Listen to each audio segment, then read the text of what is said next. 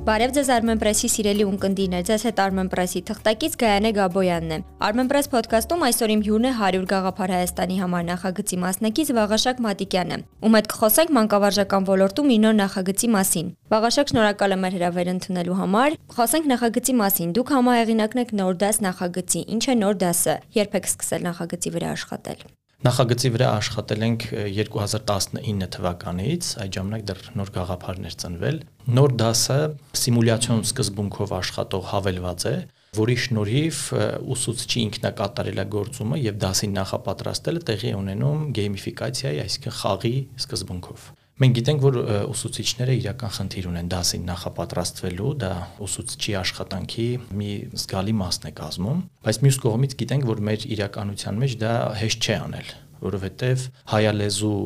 նյութերը տարբեր առարկաներից բացակայում են։ Բացի այդ, այդ process-ը ինքնին ուսուցչի համար մոտիվացնող չէ այդքան էլ դասին նախապատրաստվելը։ Եվ քանի որ արկա էր այդպիսի խնդիր, մենք որոշեցինք ստեղծել մի ինտերակտիվ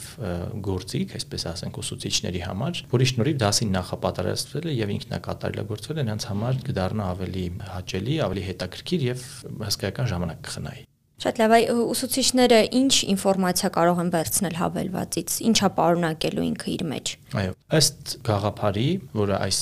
բահին իրականացման փուլում է դեռևս, ուսուցիչները այնտեղ կարող են գտնել տվյալ առարկայի ծրագրով նախատեսված բոլոր թեմաների համար դասի պլաններ, ինչպես ընդունված է ասել, այսինքն ինչպես պետք է դասը սկսվի, ինչ փուլերից պետք է բաղկացած լինի, որոնք են լինելու ուսուցչի գործողությունները, աշակերտներից ակնկալվող գործողությունները, այսինքն դասի պլանն է լինելու, բայց դա դրված է լինելու հավելվածում խաղարկային սկզբունքով, այսինքն ի սկզբանե ուսուցիչը այդ պլանը չի տեսնելու, նա անցնելու է այդ փուլերով, պատասխանելու է այդ ընթացքում հարցերի եւ վերջում այդ նոր ամբողջական պլանը իր համար ունենալու է։ Բացի այդ, նա ստանալու է իր մեթոդական, այսպես ասենք, գործողությունների վերաբերյալ հետադարձ կապ խաղի վերջում, այսպես ասենք, այդ դասը նա խաղարկելու է եւ խաղի վերջում ստանալու է հետադարձ կապ, թե մանկավարժության տեսությունը ինչ է խորհուրդ տալիս տվյալ իրավիճակում անել եւ դուք ընտրեցիք այսպիսի գործողություն, ինչպիսի ռիսկեր կան այդ պարագայում։ Սա մեթոդական մասով, բայց նաև ուսուցիչը այդտեղ կգտնի պատրաստի, օրինակ, հարցեր, պատրաստի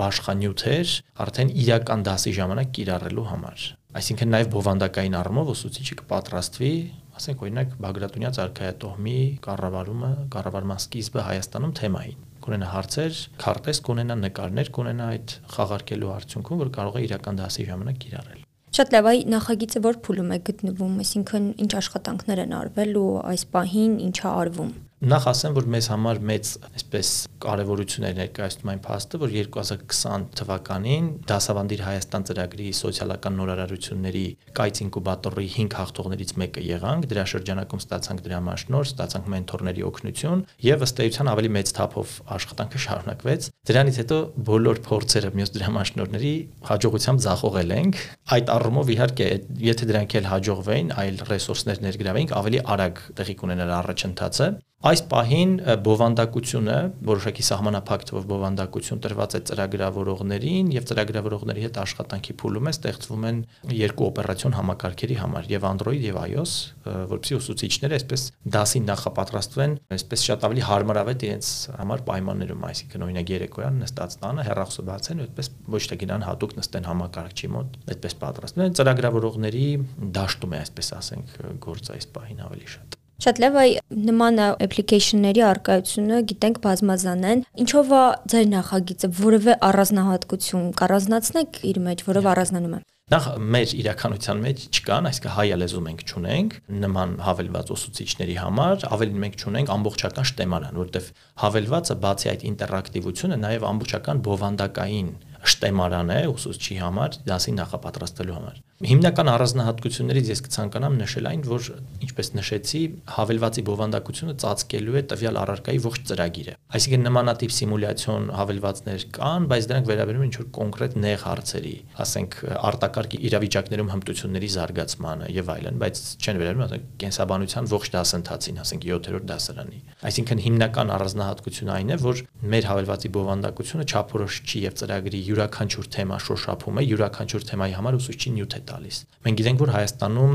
հանրակրթությունը գերկենտրոնացված է, մենք ունենք հստակ ծրագիր, հստակ չափորոշիչ եւ ուսուցիչը դրանով պետք է առաջնորդվի։ Այսինքն մենք ուսուցչին տալիս ենք խնդիրը, բայց մինչեւ այս չենք տվել դրան համապատասխան նաեւ գործիքակազմը։ Միջդեռ այդ գործիքակազմի ստեղծումը ուսուցչի խնդիրը չէ, նա նույնիսկ դրա մասնագետը չէ, այսինքն օրինակ, չգիտեմ, օրինակ հաշվապահը, երբ որ իր գործը պետք է կատարի, իր արժև խնդիր է դրված, նրա արժև միևնույն ժամանակ խնդիր չի դրված իրեն անհրաժեշտ գործիքները ստեղծել, օրինակ հաշվիչ չի ստեղծում հաշվապահը, որպեսզի իր գործը անի։ Իսկ ուսուցչի առաջ այդ խնդիրն է դրված, այսինքն եւ տրված է խնդիրը եւ ինքը ստեղծում է նաեւ իր աշխատանքային գործիքը, որը նորմալ իրավիճակ չի։ Այսինքն ճիշտ հասկացանք, դուք տալու եք հնարավորություն բոլոր առարկաների մասով։ Բոլոր առարկաների, բոլոր թեմաների։ Շատ լավ։ Կուզեի նշեք, կա հետաքրքրվածություն նախագծի շուրջ համապատասխան ոլորտներից ոլորտների հետ ուղիղ կապի մեջ դեռ չենք մտել, այսպես ասենք, կա հետաքրքրվածություն դասավանդիր Հայաստան ծրագրի կողմից, ինչպես նշեցի, եւ կա հետաքրքրվածություն մեծ ուսուցիչների կողմից, որտեղ ուսուցիչների հետ հաճախ ենք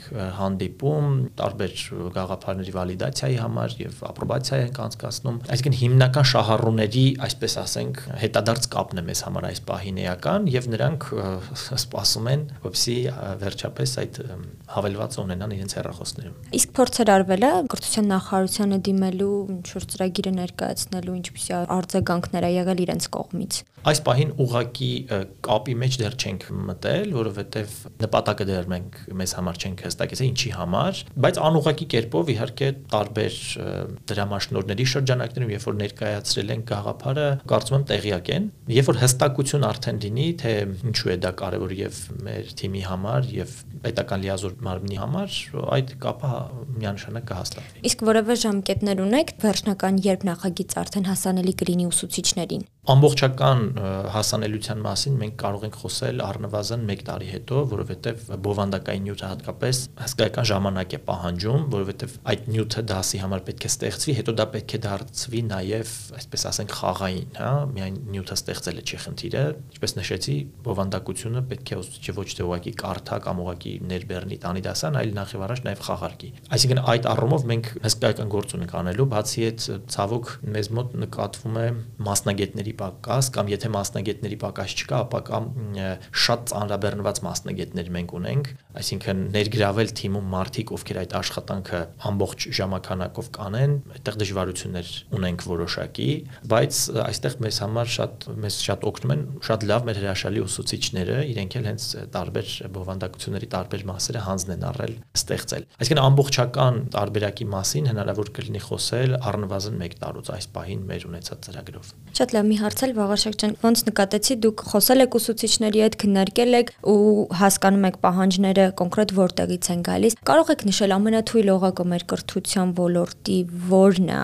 որ առարկաներից ունենք մենք շատ նյութերի պակաս, այդ մեթոդների պակաս, որի վրա կկենտրոնանաք դուք ավելի շատ Եթե բովանդակային այդ խնդիրների մասին է խոսքը, այսինքն նյութերի կազմը, մենք այս պահին ուզում ենք ավելի շատ կենտրոնանալ հումանիտար առարկաների վրա, որովհետև Հայաստանում ցավոք սրտի տասնամյակներ շարունակ հումանիտար կրթությունը տարբեր ձևերով, եթե չասեմ վարկաբեկվել է, ապա ստորադասվել է բնագիտա-մաթեմատիկական կրթությանը եւ մեր հասարակության մեջ գոյություն ունեցող բազմաթիվ խնդիրների պատճառը այդտեղից է գալիս մեր հասարակության մեջ ապրումակցելու, հաղորդակցվելու, տարբեր գաղափարների շուրջ համախմբվելու եւ այլն այդ հմտությունները հսկայական կերպով բացակայում են եւ այդտեղ խնդիր ունենք մենք հենց հումանիտար առարկաների հետ կապված։ Հետևաբար մեր ուշադրության կենտրոնում, եթե այդպես մի քիչ ասենք ավել, հա, գտնվում են հումանիտար առարկաները, պատմություն, հասարակագիտություն, համաշխարհային պատմություն, գրականություն, բայց եթե հանրակրթության ընդհանրապես